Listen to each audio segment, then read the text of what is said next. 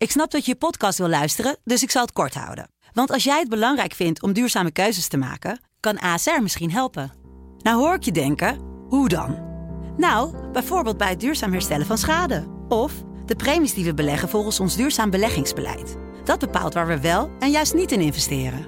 Wil je meer weten over welke duurzame keuzes ASR maakt? Ga dan naar asr.nl slash duurzame keuzes. ASR doet het. Zo, dan kan je nu lekker naar je podcast luisteren. Dit is, dit is het land van Leerduk. Dit is precies gewoon de olievlek van de islamisering. En dat gaat zo geraffineerd. Een podcast van de Telegraaf met analyses op het nieuws die u elders niet hoort. Satire en comedie moet natuurlijk altijd de gevestigde mainstream aanvallen. Daarom zitten mensen daar ook in die zaal. Waar ga je dan naar kijken? Naar eh, tien keer Dolf Jansen die jou zegt dat je niet mag vliegen en zo. Met Wierduk en Kleis Jager. Dag Wiert. Kleis, je bent eh, officieel verhuisd, eindelijk. Ja, Onze luisteraars weten helemaal niet waar naartoe dan. En van waar vandaan dan.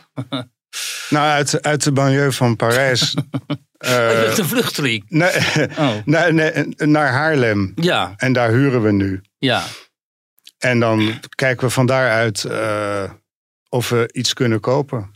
Kijk aan. En daar moet je tijd voor nemen, want het is allemaal vreselijk duur en moeilijk. En we weten niet waar we uiteindelijk terechtkomen. Misschien wel helemaal niet in Haarlem. Nee, maar je hebt nog geen plannen om naar Hongarije eh, te verhuizen. Nee, nee, nee. Maar ik heb begrepen dat er veel reacties op waren op die podcast. waarin je het had over Nederlanders die naar Hongarije gaan. omdat je daar eh, geen woke, geen klimaatgedram en heel weinig islam hebt. Ja, dat was echt, eh, echt bizar. Want ik, had dat stuk, ik heb dat stuk nog niet eens geschreven. Het staat pas zaterdag in de krant. Maar we hadden er wel een eh, soort van podcast over gedaan met eh, Roel. Over dat ik dus een aantal dagen daar bij die Nederlanders in Hongarije was geweest. En nou ja, die leven daar gewoon een leuk leven inmiddels. Zijn dat te veel? Ja, dat zijn er best veel. In, ieder geval in die omgeving waar ik, waarin ik, waar ik zat. En, en het worden er ook steeds meer. Ehm, maar dan krijg je dus echt de meest idiote reacties van. Want kennelijk eh, van, mensen, hè, vooral progressieven natuurlijk, die dan eh Orbán een soort Vladimir Poetin vinden. En die dan vinden dat je daar. Die vinden dus gewoon dat mensen niet naar Hongarije mogen emigreren. Hè, dat is dan een soort landverraad. En dan moet ik daar ook maar blijven. Hè, dus dan vertel ik die Ja. mensen altijd: jongens, ik ben net terug na ongeveer 20 jaar in het buitenland. Dus ik blijf nog even, denk ik, nou, eh, de rapen zijn helemaal gaar dan.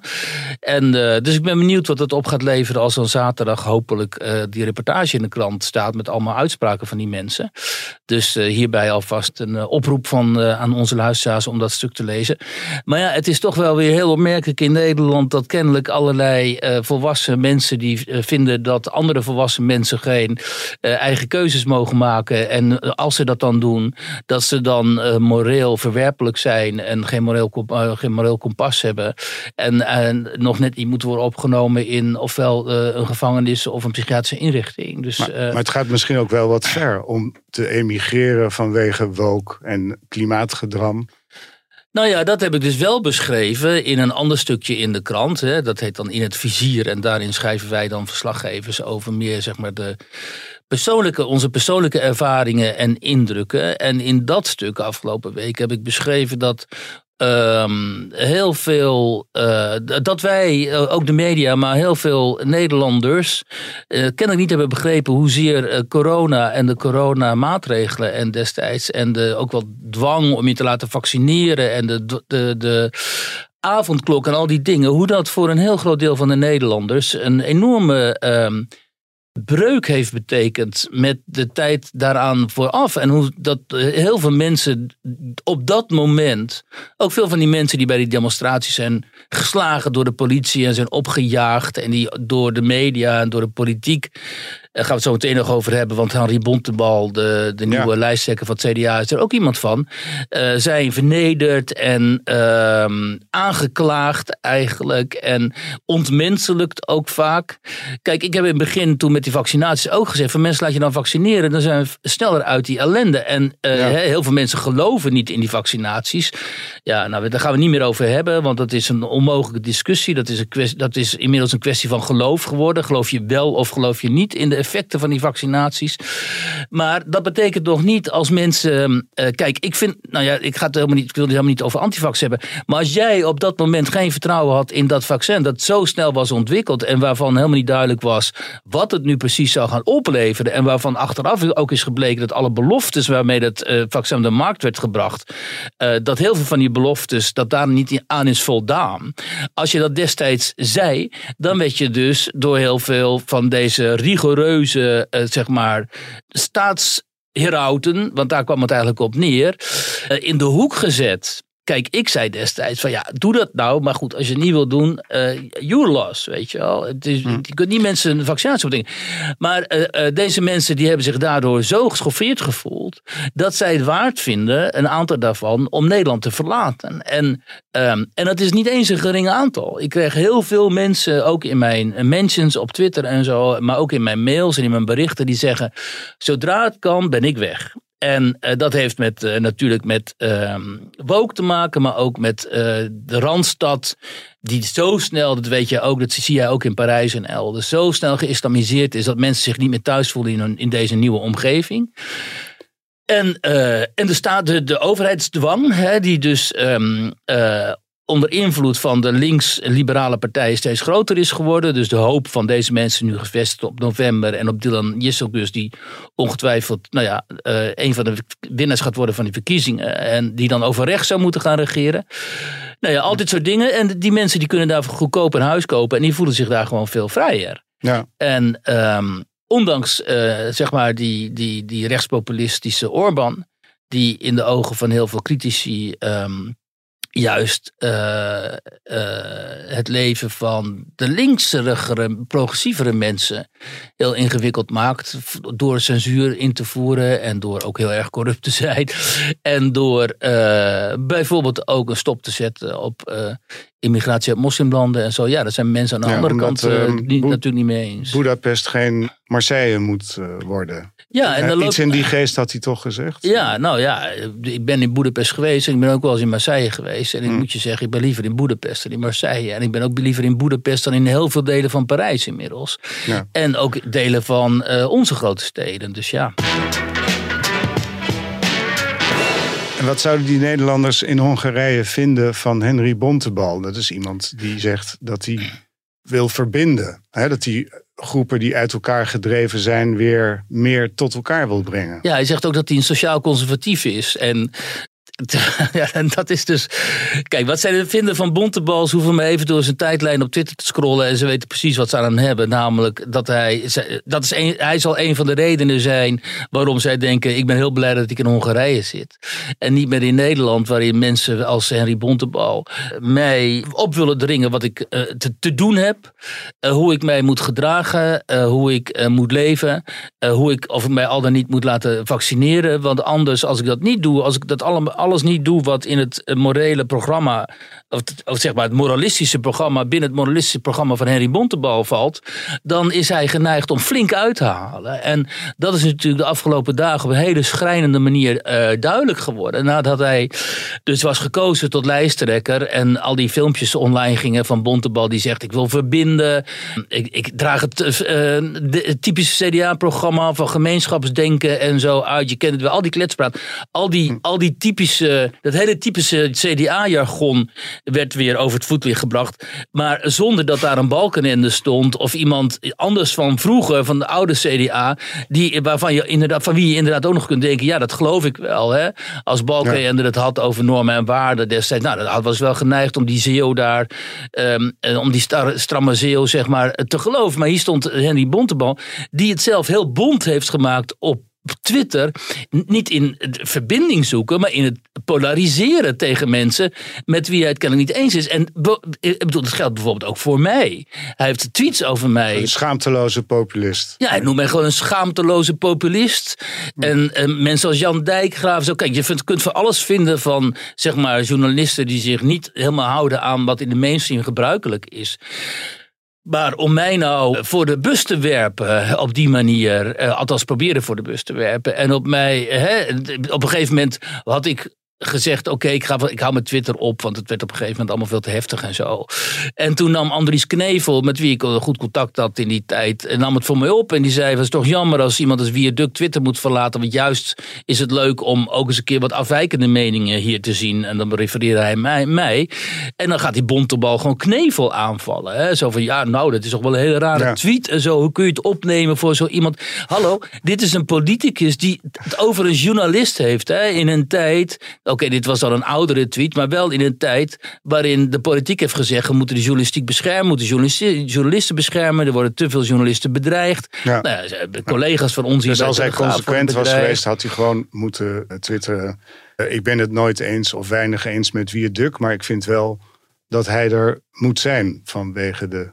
Uniformiteit bijvoorbeeld, iets in die geest. Dat had ja, er zijn heel veel linkse mensen ook die daarop reageerden. En die zei, luister, één vrouw bijvoorbeeld die zei... ik ben links en ik ben lesbisch en ik ben het meestal niet met wie het eens... maar ik volg hem wel en af en toe ben ik het wel met hem eens. Ja. En what's the problem? Ja, en, ja dat is, en andere mensen niet meer te kunnen. Hè? Dat is echt...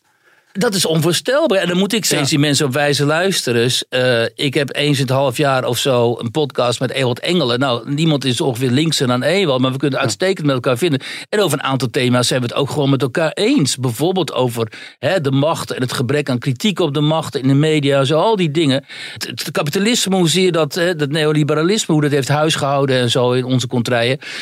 Dus je kunt het best met elkaar op een aantal punten met elkaar eens zijn, op een aantal punten niet. Maar het debat in Nederland is zo verziekt geraakt. Juist door dit soort types, maar ook hè, vooral dan door, die, door mensen als die Sander Schimmelpenning en zo. Die alleen maar bezig zijn om alles wat enigszins niet met hen zeg maar, het uh, overeenstemt met hun opinies of hun analyses uh, verdacht te maken en extreem rechts uh, te noemen. Maar goed, we zitten nu wel op een kantelpunt, geloof ik. Ik heb de indruk dat um, al dat geschreeuw en al dat gegooi met termen als extreem rechts en ultra-rechts en fascist en nazi en zo, dat is zo, heeft zo'n enorme inflatie teweeggebracht dat er nog maar heel weinig mensen zijn die zich daaraan storen. En dat is ook wel leuk als je ziet de reactie op dat verhaal uit Hongarije. Maar het is ook een beetje gevaarlijk, hè? want er wordt de hele tijd wolf, wolf geroepen.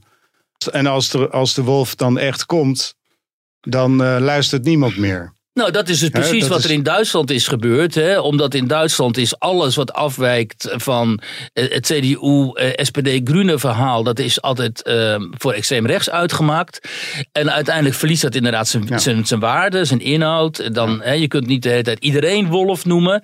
En met als gevolg dat die AFD, waar inderdaad heel veel echte wolven in zitten in die partij, want het is voor een deel een extreemrechtse partij, die is nu heel groot. Omdat die kiezers denken, weet je wat, fuck you, het interesseert me niet eens meer of daar echte wolven in zitten. Ik ga gewoon expres op hen stemmen om jou, uh, om een, jou mijn middelvingers te laten zien. En zo kan het ook wel eens in Nederland uh, het geval uh, zullen blijken te zijn in november. Dat mensen echt denken, joh, ik heb jaren eh, de laster en de smaad van deze types over me heen gekregen. Ik zie het nu als een geuzennaam, extreem rechts. Zie ook heel veel mensen op Twitter zeggen. Hè. Ik beschouw het gewoon als een geuzennaam en uh, ik trek me er helemaal niets meer van aan.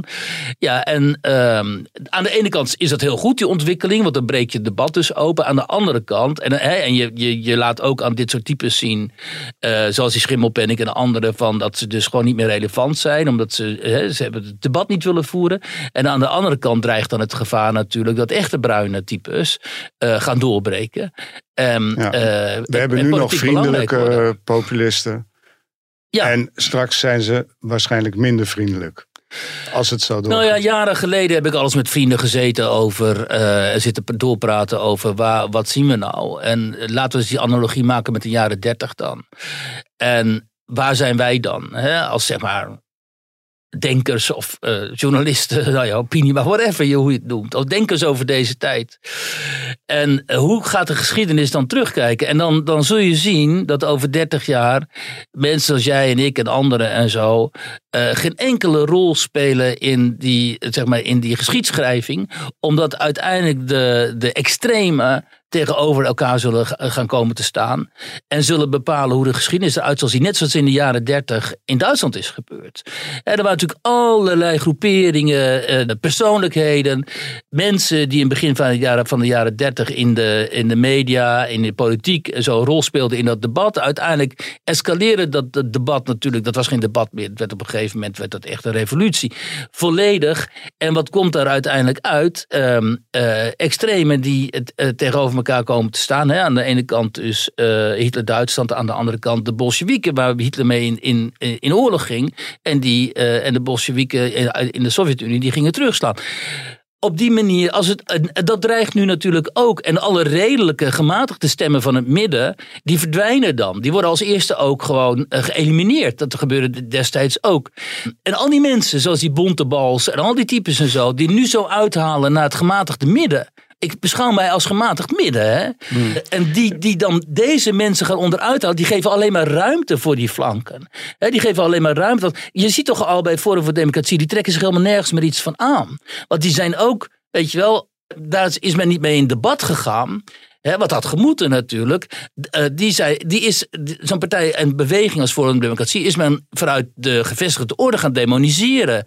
Ja, prima. Uiteindelijk leidt dat ertoe dat Thierry en zo denken: ja, weet je wel, ik ga niet meer met jullie praten. Heeft geen enkele zin. Ik trek me helemaal terug. Hè? In, dat, in het quasi-forumland van hem en zo dan. Nou, als dan de crisis nog erger wordt, als de economische crisis nog erger wordt, als links totaal geen antwoord blijkt te hebben op de. Uh, op de problemen van deze tijd. En je hebt het gemaat, de gematigden onder de critici, zoals mij en anderen. En zo heb je uitgeschakeld omdat je hen ook verdacht hebt gemaakt dan slaan de, de, de mensen aan de flanken, die gaan pas echt uh, naar jou terugslaan. Dat zie je nu aan de ene kant uh, bij uh, groeperingen als AFD en misschien ook wel Forum deels. En aan de andere kant natuurlijk bij extreem links bij Woke. En als dat uiteindelijk de, de confrontatie gaat worden, ja, dan, dan spelen de gematigde, uh, de gematigde stemmen, die spelen geen enkele rol meer. En, dan, uh, en dat is dan te wijten juist aan de, aan de types Bontebal, Schimmelpenning, al die types van deze wereld, die totaal de verkeerde tegenstander zoeken. Ja. Het is, en daarom vind ik hem dus ook een hele slechte politieke leider. Als je in deze tijd als potentieel leider, nee, als leider van een, wat ooit een volkspartij was en wat een volkspartij zou moeten zijn, omdat de christendemocratie moet in West-Europa natuurlijk een volkspartij, een volksbeweging zijn. Waartoe dan anders die christendemocratie, als het dat niet is? Hè? als je als uh, potentieel leider van zo'n beweging zo radicaliseert, eigenlijk een, over heel veel heikele thema's een D66-standpunt inneemt, wat een radicale partij is geworden, D66, of een GroenLinks-standpunt, en je gaat. En je gaat mensen als mij, die in principe jouw bondgenoot zouden moeten zijn in, dit, in deze cultuuroorlog, zeg maar. En mensen als Omtzigt en zo, die begrijpen dat wel goed. Maar je gaat dus mensen als mij en anderen zoals ik, ga je dus aanvallen. Dan ben je dan ben je zo totaal vergeten wat de christendemocratie of wat het politieke midden zou moeten betekenen. En dat is ook heel veel zeggen. Als laatste nog van, ik, ik reageer op die bontebal. En ik schreef in een tweet ook van, dat je het politieke midden. Want toen had hij dus die, die tekst over mij getweet. En toen reageerde ik daarop met de tekst van. Uh, als je het politieke midden wil bezetten. zul je andere teksten moeten gebruiken. Hè? Nou, joh, de, de hoon die daar dan weer op komt. Mensen begrijpen. Eh, zo van. Denkt die duk dat hij in het politieke midden zit? En zo. Ja, dat denk ik. En als jij dat niet denkt. Als jij mijn analyse zou kennen. En je vindt dat niet. Dan ben je zelf. Ik ben niet geradicaliseerd. Dan ben je zelf geradicaliseerd. Weet je? Maar mensen zien het niet eens meer. Nou ja, dat is de tijd uh, waarin we leven dan. En dat is ook de tijd waarin al dit soort types. Volgens mij is het ook een generatiedingetje hoor. Die Bontebal is ook vrij jong, 40 en zo. Ze zien het gewoon niet. Of ze hebben hele andere opvattingen over wat, wat, het, wat het centrum, wat centrum, centrumpolitiek zou moeten zijn. Maar voor mij is dat wat vroeger Lubbers was. En ja. Wiegel in zekere zin, hè, als liberaal en zo. En waar zijn die mensen nu, weet je wel? Ik zie ze, ja, ja. omzicht, maar ja, die blijft maar twijfelen over eh, wat, of je nou wel of niet eh, die, de, ja, die partij moet gaan opzetten. Ik las uh, laatst ergens dat het CDA een, een voormalige ideeënpartij is op zoek naar ideeën. En, en dat kon je zien in dat promotiefilmpje van Bontebal. Waarin die in Rotterdam staat. Op zichzelf heel, heel mooi gedaan en goed vormgegeven. Rotterdam, mijn stad. De stad waardoor ik ben wie ik ben en doe wat ik doe. Ik ben van Rotterdam Zuid, niet het beste deel. Opgegroeid in een groot en warm gezin, waar de deur altijd open stond. Maar in deze stad, waar ik al mijn hele leven woon, zie je dat Nederland twee gezichten heeft. Maar hij vertelt dan waar hij vandaan komt en waar hij voor staat. Nou, het was en dan, en dan gaat het over de kloof. Maar dan, ja, maar dan gaat het, dan gaat het over uh, de alleenstaande moeder die het uh, heel moeilijk heeft. Maar daar zit uh, Nederland niet op te wachten. Nee. Ik bedoel, het moet natuurlijk gaan over de asielzoekerskwestie. De zorg, onderwijs, woningbouw, al dat soort zaken. Nou ja, het, weet je, en in dat filmpje hè, dan trekt hij ook weer drie clichés uit de kast. Hè, drie typeringen, namelijk de onderwijzer, de zorgmedewerker en de agent. Hè, waar hij het dan voor opneemt. En zo. Dat doen ze allemaal zogenaamd. Terwijl dat CDA heeft gewoon twaalf jaar meegewerkt. Of hoe lang hebben ze in die regering gezeten? Al ja, jarenlang. Hebben ze gewoon meegedaan aan de afbraak juist van, van, van het land van deze mensen. Hè? Als je zo lang beleid voert waarin waar uiteindelijk de uitkomst van is dat die agent helemaal geen woning kan betalen in, in Amsterdam of Den Haag. Waarin die zorgmedewerker veel te weinig verdient om een beetje redelijk bestaan te kunnen leiden als je niet twee inkomens hebt. Waarin die leraar gewoon gemolesteerd wordt op die scholen in de Randstad en ook een veel te laag salaris heeft als hij begint. Als je daarna hebt meegewerkt, wat zit je dan te, te huilen in zo'n filmpje over, over die mensen? Ja, je bent notabene mede verantwoordelijk voor beleid dat, deze, dat juist die ruggengraat van een samenleving waar het CDA voor zou moeten staan, de, midden, de middenklasse, zeg maar, waarin die middenklasse is uitgehold en het steeds moeilijker krijgt, dat blijkt nu ook uit het CBS-rapport, om het hoofd uh, boven water te halen. En dan kom je ook niet verder dan in het filmpje dan met allerlei clichés, ook nog eens een keer over Rotterdam, terwijl Rotterdam dus helemaal niet de wereld uh, vertegenwoordigt van de gemiddelde CDA-stem, want die zitten namelijk daar in Twente, nou ja, dat, waar Pieter dat, zo, zo populair is ja, en zo, is, en, en elders, en in het Ja. zuiden ook, weet je wel, althans vroeger. ja. Dus ja, het is gewoon, het is gewoon verschrikkelijk om te zien hoe, zo- hoe zowel de christendemocratie als sociaaldemocratie niet één idee meer heeft over hoe om te gaan eh, met deze tijd. Terwijl je ziet dat in eh, Denemarken bijvoorbeeld de sociaaldemocratie democratie dat wel heeft. En eh, de, de, de christendemocraten, nou ja, in ieder geval in Beieren, hebben ze dat altijd wel, omdat ze daar heel erg dicht op die mensen staan. En, en daar gaat het natuurlijk uiteindelijk om zich associëren met eh, de tradities, de cultuur en de leefwereld van deze mensen. En als je dat niet doet en je associeert je met de leefwereld van een vrij beperkte globale elite, en dat is wat CDA ook heeft gedaan, natuurlijk lopen dan je kiezers bij bosjes weg. Hè. We hadden hier laatst. ehm, dat is wel interessant om te melden, denk ik. eh, Jacco Kleinhans in Ja. de podcast. Een Afrikaanse, Afrikaner vriend van mij. Nou, dat mocht natuurlijk ook niet, hè, want al die Afrikaners zijn natuurlijk allemaal racisten. Wat Jacco helemaal niet is. En, Dat was heel interessant. ja, dat was super interessant. Hij is gewoon een hele scherpe denker ook. En, eh en Jacco die schreef, die was dus met een hele groep Afrika jonge Afrikaners door Europa gereisd. Drie weken lang, dat doen ze dan één keer per jaar. En die was natuurlijk helemaal kapot geschrokken van die steden. Eh, hè, Parijs en Amsterdam en eh, noem maar op. En, hè, die hebben, eh, en als je Afrikaner bent en je denkt veel na over het behoud van de westerse cultuur en de westerse tradities en zo. En je zoet, ziet hoe die hier te grabbel worden gegooid en hoe die gewoon ehm, eh, kapot gaan, onderuit gaan. Ja, dan schrik je natuurlijk. Daar heeft hij een goed een mooi stuk over geschreven, wat ik ook op Twitter had gezet. En waarmee ik niet in alles eens ben.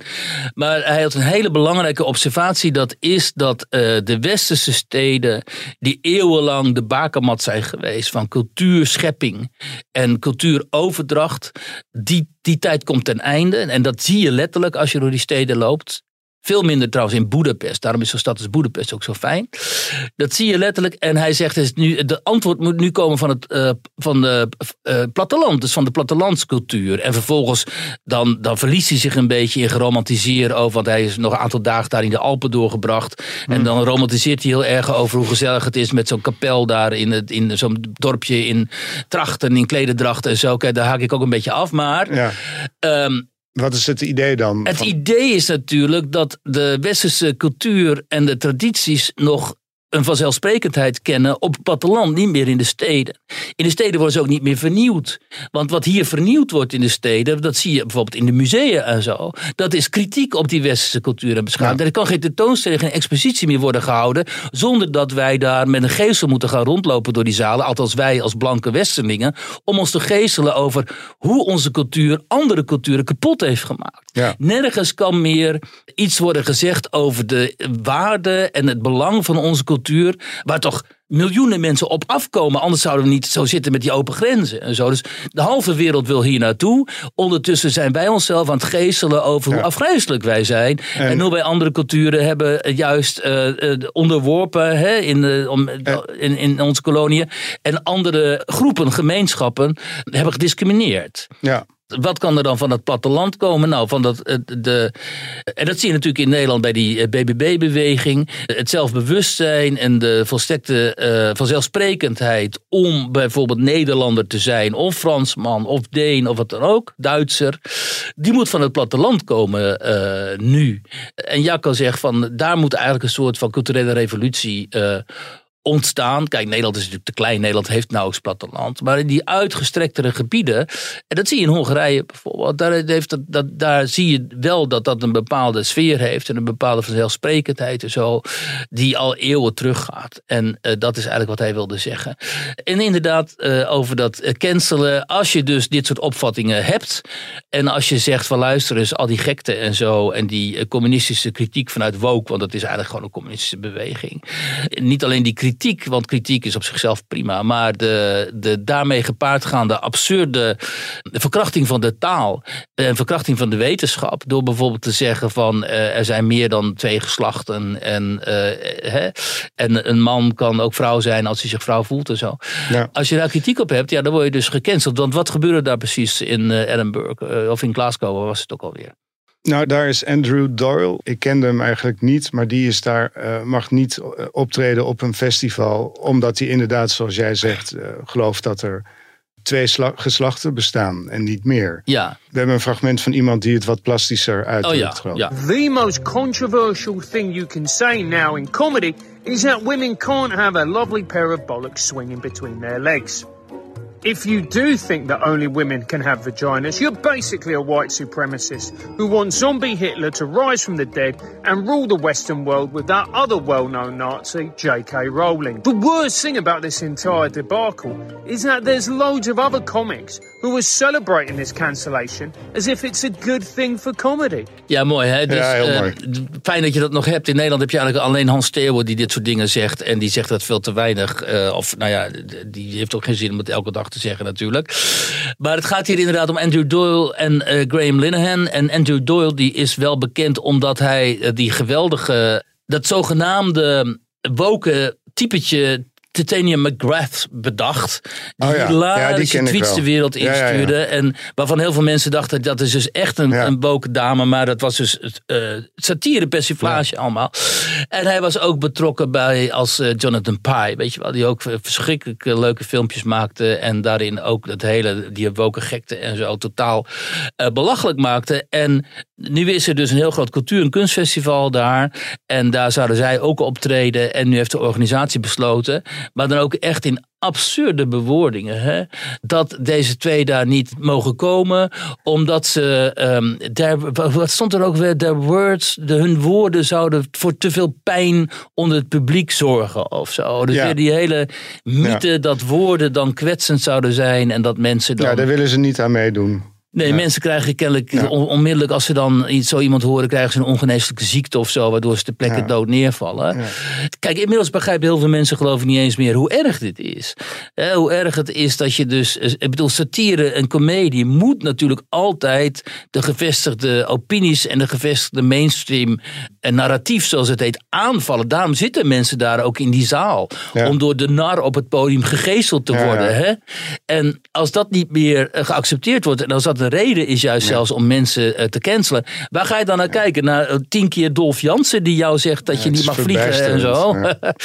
het is echt onvoorstelbaar. En, ja. In Nederland is het natuurlijk niet anders. Hè. Het is ook zo hilarisch. Altijd in Nederland er worden zogen- mensen zogenaamd, nou ja, al die komieken en zo, die totaal gewoon in de pas lopen van het klimaatverhaal en het immigratieverhaal en zo. En die dan eh, rechts zogenaamd dan hè, vegen uit de pan gaan geven. En die mogen dan oudejaarsconferentie. Nou ja, Claudia de Brij. Ja. Echt te, te verschrikkelijk. En die doen dan het oudejaarsconferentie. Dat je, en die komen huilend. Zitten dan mensen daar toch in.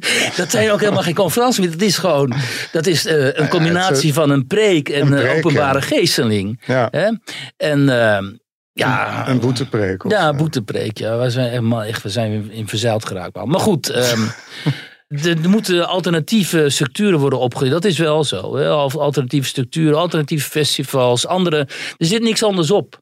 Er moet een verzuiling gaan plaatsvinden, een soort van segregatie. Wat, nou ja, wat, wat Forum dus al met het Forumland doen, moeten zij weten of je het mee eens bent of niet. Maar er zit niks anders op, omdat je. ehm, omdat de mainstream zo geradicaliseerd is dat zelfs hele normale stemmen, zoals die van zo'n Andrew Dole, zo, niet meer, daar niet meer te horen zullen zijn. En dan moet je dus andere structuren optuigen waar dit wel uh, gebeurt. En dan moeten de mensen ook, die dan zeg maar wel oog hebben voor alternatieve meningen en die willen ondersteunen, die moeten dat ook gaan, uh, gaan steunen. Die moeten dat daar is misschien gaan. geen gek idee, er moet een markt voor zijn. Nou, je ziet het aan het boekje van Sander van Dam, hè, die dat, dat deugdboekje heeft geschreven met al die tweets, met die hilarische luikjes waarin mensen, vooral op links, uh, zich tonen als onverbeterlijke hypocrieten. Nou ja, dat loopt als een bestseller, dat loopt als een trein. Dus er is een, een markt voor, als je het op een leuke manier doet, dan is daar een markt voor. Uh, maar die markt die moet professioneler worden en die moet uitgebreider worden. En dan, hè, je ziet het nu al met die alternatieve media, maar dan vechten ze elkaar weer allemaal de tent uit, terwijl ja. het niet goed is. Of ze laten allemaal mensen aan het woord die volstrekt gestoord zijn, van die gekkies en zo. Dus er moet ook een kwaliteitscriterium gaan gelden natuurlijk. Maar ja, de vraag is of dat... Uh, het zou goed zijn als het zo zou gebeuren, maar de vraag is of, het, uh, of die, die wereld, zeg maar, die alternatieve wereld in staat is tot ook een soort van zelfkritiek en ook het zuiveren van opinies die toch wel heel erg uh, bezijden de feiten zijn ook. Ja. Waar was Wiert? Ja, je had een heel mooi verhaal uh, over Dina Perla Portnaar. Een vrouw uit een ultra-Joods-orthodox milieu in Amsterdam. Het een echt verschrikkelijk verhaal, vond ik. En die is al een aantal jaren, uh, vertelt ze haar verhaal, maar ik dacht... Ik, ik ken haar niet. Nee, ze heeft een boek geschreven, en, maar ze treedt wel op in die, in die, in die kringen van me, waar over dit soort dingen wordt gesproken en zo. En ja, ze heeft inderdaad een heel bijzonder verhaal, omdat zij uh, inderdaad uit een ultra-orthodox Joods milieu komt in Amsterdam. Uh, en dat is natuurlijk heel klein. Hè? Ik bedoel, het is niet zoals in Antwerpen of in Israël of in Brooklyn of zo, waar er heel veel van zijn. Dat zijn, dat zijn ooit waren dat tientallen gezinnen en dat zijn nu nog maar een paar gezinnen, omdat heel veel van die families ook weer zijn weggetrokken uit Nederland. En uh, zij, had, zij heeft wel de vreselijke pech dat ze niet alleen dus binnen zo'n heel restrictief religieus milieu opgroeide, maar ook nog eens een keer in een volstrekt gestoord uh, familieverhoudingen. Ja. Dus met een ja. moeder die uh, geestelijk nou ja, gestoord was waarschijnlijk, labiel. Ja, ze verstopte spullen en zei dan dat zij die had ontvreemd. Zodat haar halfbroer haar dan ging ja. slaan en zo. Ja, dus dat was een hele... Maar, nou, ik, ik dacht aan Ruinerwold, weet je nog? Dat verhaal over die, dat, die mensen, die kinderen daar in Ruinerwold. Die sfeer stijgt er op uit die verhalen. Dus een hele man, manipulatieve moeder in een hele symbiotische verhouding. Die haar kind van, van kleins af manipuleert. Die ook dat kind in de ouderrol drukt. Want zij moest kon, haar moeder kon niet verzorgen. voor zichzelf zorgen, die vrouw. Precies, die kon niet voor ja. zichzelf zorgen. Dus had het kind nodig. En dan zet ze mensen tegen elkaar op. En die halfbroer die dan uh, zijn, zijn zusje gaat slaan en zo. En dan het heftige hier is dat je als je binnen die orthodoxie opgroeit, dan alle contacten die je hebt zijn, zijn joods of orthodox. Dus de bakker, de makelaar, de hulpverlener, de school. Hm. Dus zij gingen ook al van jongs af naar het Geider, daar in Buitenveld, dat dat een ja. joods-orthodox religieuze school is. Ja. En waarin je dus binnen diezelfde geestelijke ruimte blijft. Ja. Waardoor er geen mensen zijn die antenne, of weinig mensen die antenne hebben en zeggen: wat is met dat kind aan de hand? Omdat, ja, precies. Dat is... hè, en dat zei ze ook. Ze wisten wel op het geide wat er met haar aan de hand was. Althans binnen het gezin van haar. Maar ze sneden het probleem niet aan. En ze zei dat gebeurt ook vaak niet omdat altijd de dreiging dan hangt boven onze gemeenschap. Dat als zoiets naar buiten komt, dat antisemieten het op gaan pakken. En gaan mm. zeggen, zie je wel, die ultra-orthodoxen of die joden. Die mm. zijn net zo gestoord als die uh, IS-types uh, bij wijze van spreken. Die ook hun vrouwen onderdrukken en hun kinderen onderdrukken. En hun kinderen fysiek geweld aandoen. Ja. Um, daarom blijven ze heel voorzichtig. Zelfs zij ook als critica. Omdat zij weet dat altijd die stok boven de Joodse gemeenschap houdt. Ze wil ook niet de Joodse gemeenschap afvallen. Maar ze wil naar buiten brengen dat als je in zo'n hele gesloten, fundamentalistische eigenlijk, uh, omgeving opgroeit, uh, wat er vooral met jou als meisje kan gebeuren. Ja, ze wil de nadruk op leggen, ze veralgemeniseert het verhaal eigenlijk. Ja, ook natuurlijk naar de gesloten islamitische gemeenschappen. Ja. Maar bijvoorbeeld, um, ik had vanochtend uh, een reactie van iemand, van een lezer die het ook had gelezen. En die zegt, ik wil graag in contact komen met haar. Want ik ben in een Jehovah getuigenmilieu opgegroeid. Dus Ja, ja. ik, ik herken alles. En dat is natuurlijk ook vaak zo. Binnen die Jehovah getuigen uh, Hm. heerst uh, dit soort repressie en geïsoleerdheid vooral. Niks naar buiten brengen, geen kritiek naar buiten brengen vooral. Vooral de gemeenschap niet in gevaar brengen en zo. En dat is... Um, En, bi- en binnen de islamitische gemeenschap natuurlijk net zo. En in Nederland zijn er echt heel erg veel moslimvrouwen die in een vergelijkbare situatie zitten. Hè, die niet buiten de deur komen. Die, eh, nou ja, dat weet je ook. Dat is in Frankrijk natuurlijk helemaal niet anders. En Ja. ehm, die, waarbij die altijd rekening moeten houden met potentieel ge- huiselijk geweld ook. Hè. Ja, maar misschien speelt er in Nederland nog, is er nog een extra dimensie, omdat het idee is vrij sterk ontwikkeld dat iedereen zijn eigen ding moet kunnen doen. Door de verzuiling. Ja. Ja, en Ja. Dat, dat, heeft, dat is een soort erfenis, denk ik, van het idee van Abraham Kuyper, Ja. de, de voorman van de antirevolutionaire, eh soevereiniteit in eigen kring. Ja, absoluut. Zo dat- zijn wij ook met die moslimimmigratie omgegaan. Ja, we hebben gezegd, weet je wat, kies je eigen voormannen, creëer je eigen structuren, creëer je eigen verenigingen. ja, En dan eh, komt er gewoon een nieuwe zuil bij en dan gaan we met de leiders van die zuil in gesprek. Ja. Alleen binnen de islam is het natuurlijk volstrekt onmogelijk. Ja. En eh, er wierpen zich allerlei mannen op als leiders van de moslims in Nederland, die door heel veel van die eh, eh, moslims natuurlijk helemaal niet werden erkend. Als. Ik bedoel, een Marokkaanse moslim is sowieso nogal wat anders dan een Turkse moslim. en zo. Ja, Lala Gül die vertelde dat ze op die Koranschool zat en dat, dat ze dan bezoek kregen van eh, lokale Partij van de Arbeid politici. En dat zij zich daar enorm over heeft verbaasd. Hè. Er was eigenlijk helemaal geen belangstelling van hoe, hoe zij daar dan eigenlijk aan toe was. Ze, Dat werd als van seks vanzelfsprekend. Kijk, vergeet ook niet mensen als Abu Talib en Marcouch en zo. zijn gewoon gelovige moslims. En die, zijn, die hebben binnen die partij, binnen de Partij van de Arbeid, carrière gemaakt. En op een gegeven moment was in het eh, stadsdeel waar Marcouch destijds de baas was in Amsterdam. was binnen die partij een conflict ontstaan. Niet over zo de, zeg maar de, geen ideeënstrijd, maar een, een strijd tussen conflicterende Marokkaanse eigenlijk eh, families. Daar kwam het eigenlijk eh, op neer, weet je wel. Dus dan binnen de Partij van de Arbeid. Dus die Partij van de Arbeid werd gewoon gekaapt voor een heel groot deel. Door mensen uit die allochtone eh, islamitische eh, kring. Die net deden alsof zij eigenlijk ook sociaaldemocraten waren. En pas op het moment dat ze er echt op aangesproken werden. Zoals toen al eh Kuzu destijds. En die andere gast die ook op een gegeven moment voor Denk, bij Denk ging. Of bij Denk, die, gingen, die stapte dus uit de PvdA-fractie. Azarkan. eh, Nee, dat was niet Azarkan. Dat was de die andere Turk, dat kleine mannetje. Zo'n heel driftig mannetje die had zo kwaad werd in de Tweede Kamer. Oh. Hoe heette die nou? Ja, we zoeken hem op. Met, met Kuzu was hij dus... Het zat in de. Ja, hè? ja, ja. En die, werden toen, die, die namen toen dus... Ik weet niet meer, dat is eigenlijk wel een kwestie. Het ging dan niet over islamitisch onderwijs of zoiets. Iets waarmee zij niet eens konden zijn als moslim. Toen zijn ze gebroken of eruit gegooid. En toen zijn ze Denk begonnen. Wat dus gewoon... Op basis daarvan is Denk dus ook gewoon in de grondbeginselen een allochtonen eh, islamitische partij natuurlijk. Ja. Ook hilarisch dat Sylvana Simons zich daar toen bij aansluit. En dat was ook van korte aansloot, dat is ook van korte duur. ja, ja. Hè? Maar ja, je ziet er nog altijd terug die idiote alliantie tussen links en islamisten. Het, eh, hoe noem je dat in het Frans ook alweer?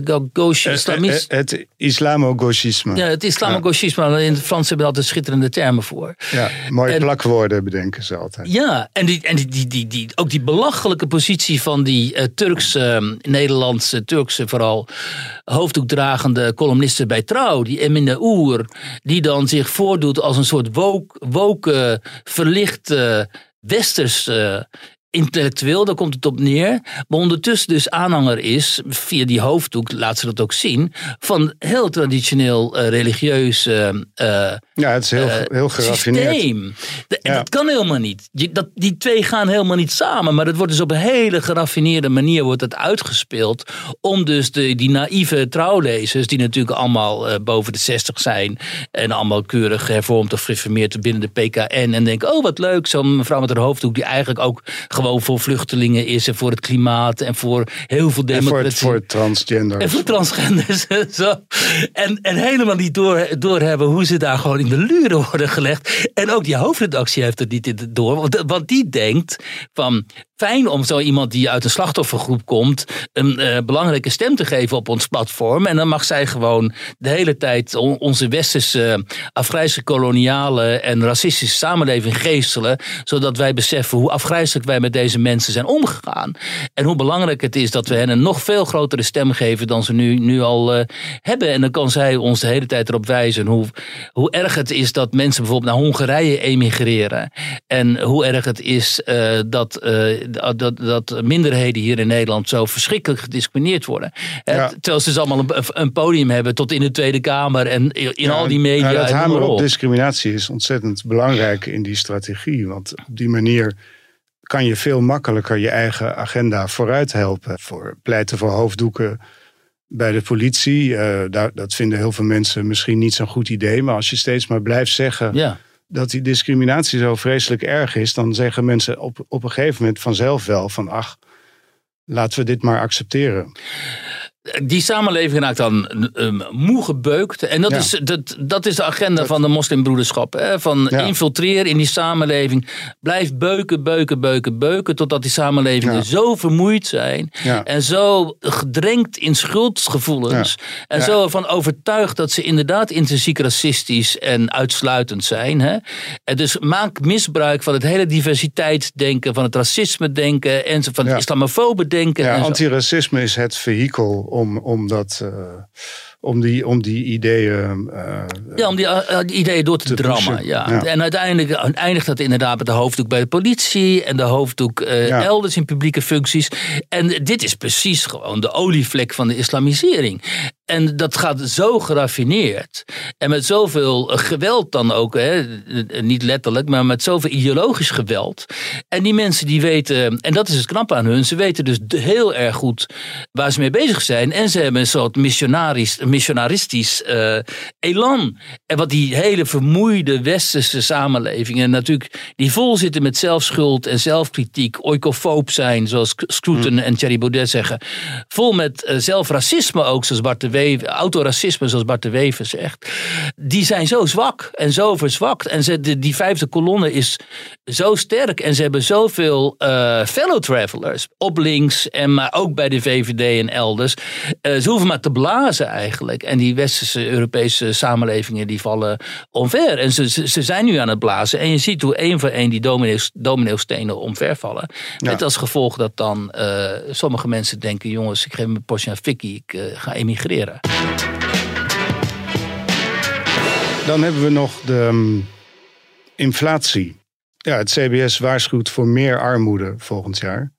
7% van de Nederlanders zou. Oh nee, 7% van de kinderen moet ik zeggen. En 5,7% van alle Nederlanders zou onder de armoedegrens zitten. Ja, nou we hebben een filmpje of een fragmentje uit uh, Noord-Amerika waar je kunt horen wat dit dan uiteindelijk tot gevolg zou kunnen hebben. It's amounted to $100. Like this isn't even barely anything to feed me for a couple days. You're not budgeting your money. Oh, you're not doing this. Oh, you're buying coffee and it's like, no, I'm literally not doing any of those things. I live paycheck to paycheck every week because I'm trying to pay every bill that the world is throwing at me right now. And the government's response to that is, oh, hey, everybody, aliens are real. We don't give a fuck about aliens. We're trying to afford a roof over our head. I'm just really tired of like not being able to do the things that I want. Instead of 99 cents for eggs, it's fucking $3. Rent's going from three grand to five grand. Wages aren't going up fast enough. Wages have gone nowhere. So what did most of us have to do, myself included, with the extra $400 a month I was spending on gas? I had to use my credit cards. Even with three jobs now. Ja, nou kijk, dit is natuurlijk vreselijk, omdat dit is de middenklasse die onderuit gaat. Door die inflatie, door die hogere prijzen, doordat lonen niet evenredig stijgen. En opeens zie je dan mensen die voor die tijd nog net de touwtjes, de, de, de, een normaal leven konden uh, leiden, die door die ondergrens gaan. En opeens vol schulden zitten, creditcards moeten aanspreken en dan in die spiraal terechtkomen. En dat is in Nederland net zo. Als jij hier naar de winkel gaat. Net zo erg? Dat zou zo erg kunnen worden. En dat is natuurlijk voor een deel al zo. Omdat een miljoen mensen onder die armoedegrens al zitten. Of rond die armoedegrens. En als jij naar de supermarkt gaat of elders. Dan zie je hoe die prijzen gestegen zijn. En die lonen die houden daarmee helemaal geen uh, tred. De reële koopkracht van mensen in Nederland. Is al tientallen jaren gewoon helemaal niet uh, gestegen. Dus daar zouden ook eigenlijk die verkiezingen over moeten gaan. Een, een partij als de SP of de PVV. Die dan ook zeg maar zich inzet voor die kleine man, die zouden daarop moeten inzetten sowieso. En die zouden veel groter moeten zijn. Zodat je in ieder geval veel meer druk uitoefent op al die andere partijen. Wat gewoon neoliberale partijen zijn voor de, voor de rijkere Nederlanders. Hè? Dat, dat is zowel de VVD als D66, als GroenLinks, als de Partij van de Arbeid. Als het CDA. Als de ChristenUnie, als het, als het CDA dat moeten de mensen eens goed begrijpen. Dat zijn allemaal partijen die in principe helemaal niks doen voor die kleine man. Die dat hele ne- neoliberale internationale programma in principe hebben omarmd. Die nu dus bezig zijn met eh, klimaatpolitiek. In plaats van met sociale politiek. Die bezig zijn om miljarden te verkwanselen aan het klimaat in plaats van miljarden te proppen in eh, eh, sociale eh, cohesie en in sociale programma's ook. En in pogingen om in ieder geval zeg maar, de ernstigste uitwassen van wat we op dit moment zien, die economische crisis, en die misschien nog wel veel erger gaat worden, om die te dimmen. En dan, en dan zullen ze zeggen, ja, maar we hebben op een gegeven moment het, het energieprijsplafond en zo hebben we ingevoerd. Ja, maar dat, dat verdwijnt nu ook, weet je wel. Die dingen, dat, dat verdwijnt. Dat, en en dat, daar gaat het ook niet om. Het gaat erom dat als jij mensen opdringt om een elektrische auto aan te schaffen en de, en de prijs van benzine en, en diesel te verhogen, die nu 2,20 euro is of zo, zag ik. Hè? Ja, dan kunnen normale mensen, die kunnen op een gegeven moment niet eens meer naar hun werk. Weet je, en ze hebben nu weer allemaal van die plannen waardoor inderdaad mensen die eh, veel woon-werkverkeer bedrijven, die daarvan afhankelijk zijn, die kunnen, het loont op een gegeven moment helemaal niet meer om dan een, nog die, die baan te hebben. Dus eh, dit staat ons, hè, wat we net hoorden daar uit Noord-Amerika, dat is hier of al aan de hand, of het staat ons eh, te wachten. En dan uiteindelijk, als die boel instort, dan zullen die partijen denken: oh shit, het was toch een kwestie van sociaal-economische achterstand. Het was toch een klasse dingetje. In plaats van eh, dat wij dachten dat we met het klimaat de wereld zouden eh, kunnen redden. Hè? Die, die partijen, die gevestigde partijen nu, die komen uitsluitend op voor de, de hogere middenklasse en de rijken. En die hebben helemaal geen zicht meer op hoe de onderklasse en de lagere middenklasse en zo, hoe die eh, moet vechten om het hoofd boven water te houden. Dus eh, met dit stichtelijke woord eh, Ja, dat dacht ik mij- deze podcast af te willen sluiten. ja, dat lijkt mij een mooie conclusie. Overigens heeft onze producer Marieke, waarvoor heel veel eh, dank, nog even gekeken wie was het ook alweer. En het was natuurlijk Selçuk Öztürk. Die destijds met uh, Tunahun Kuzu bij de fractie van de PvdA verliet. Je weet het nog wel, de geblokte Öztürk die dan in het parlement af en toe bijna op de vuist ging met zijn tegenstanders. ja, we missen hem. Dankjewel, Kleis. Ja, volgende week Jij is moet eigenlijk zeggen dankjewel Wiert, maar ik zeg maar Ja, dankjewel nou, Kleis. nee, dankjewel Wiert. Eh, en volgende week is er weer een podcast. Zeker.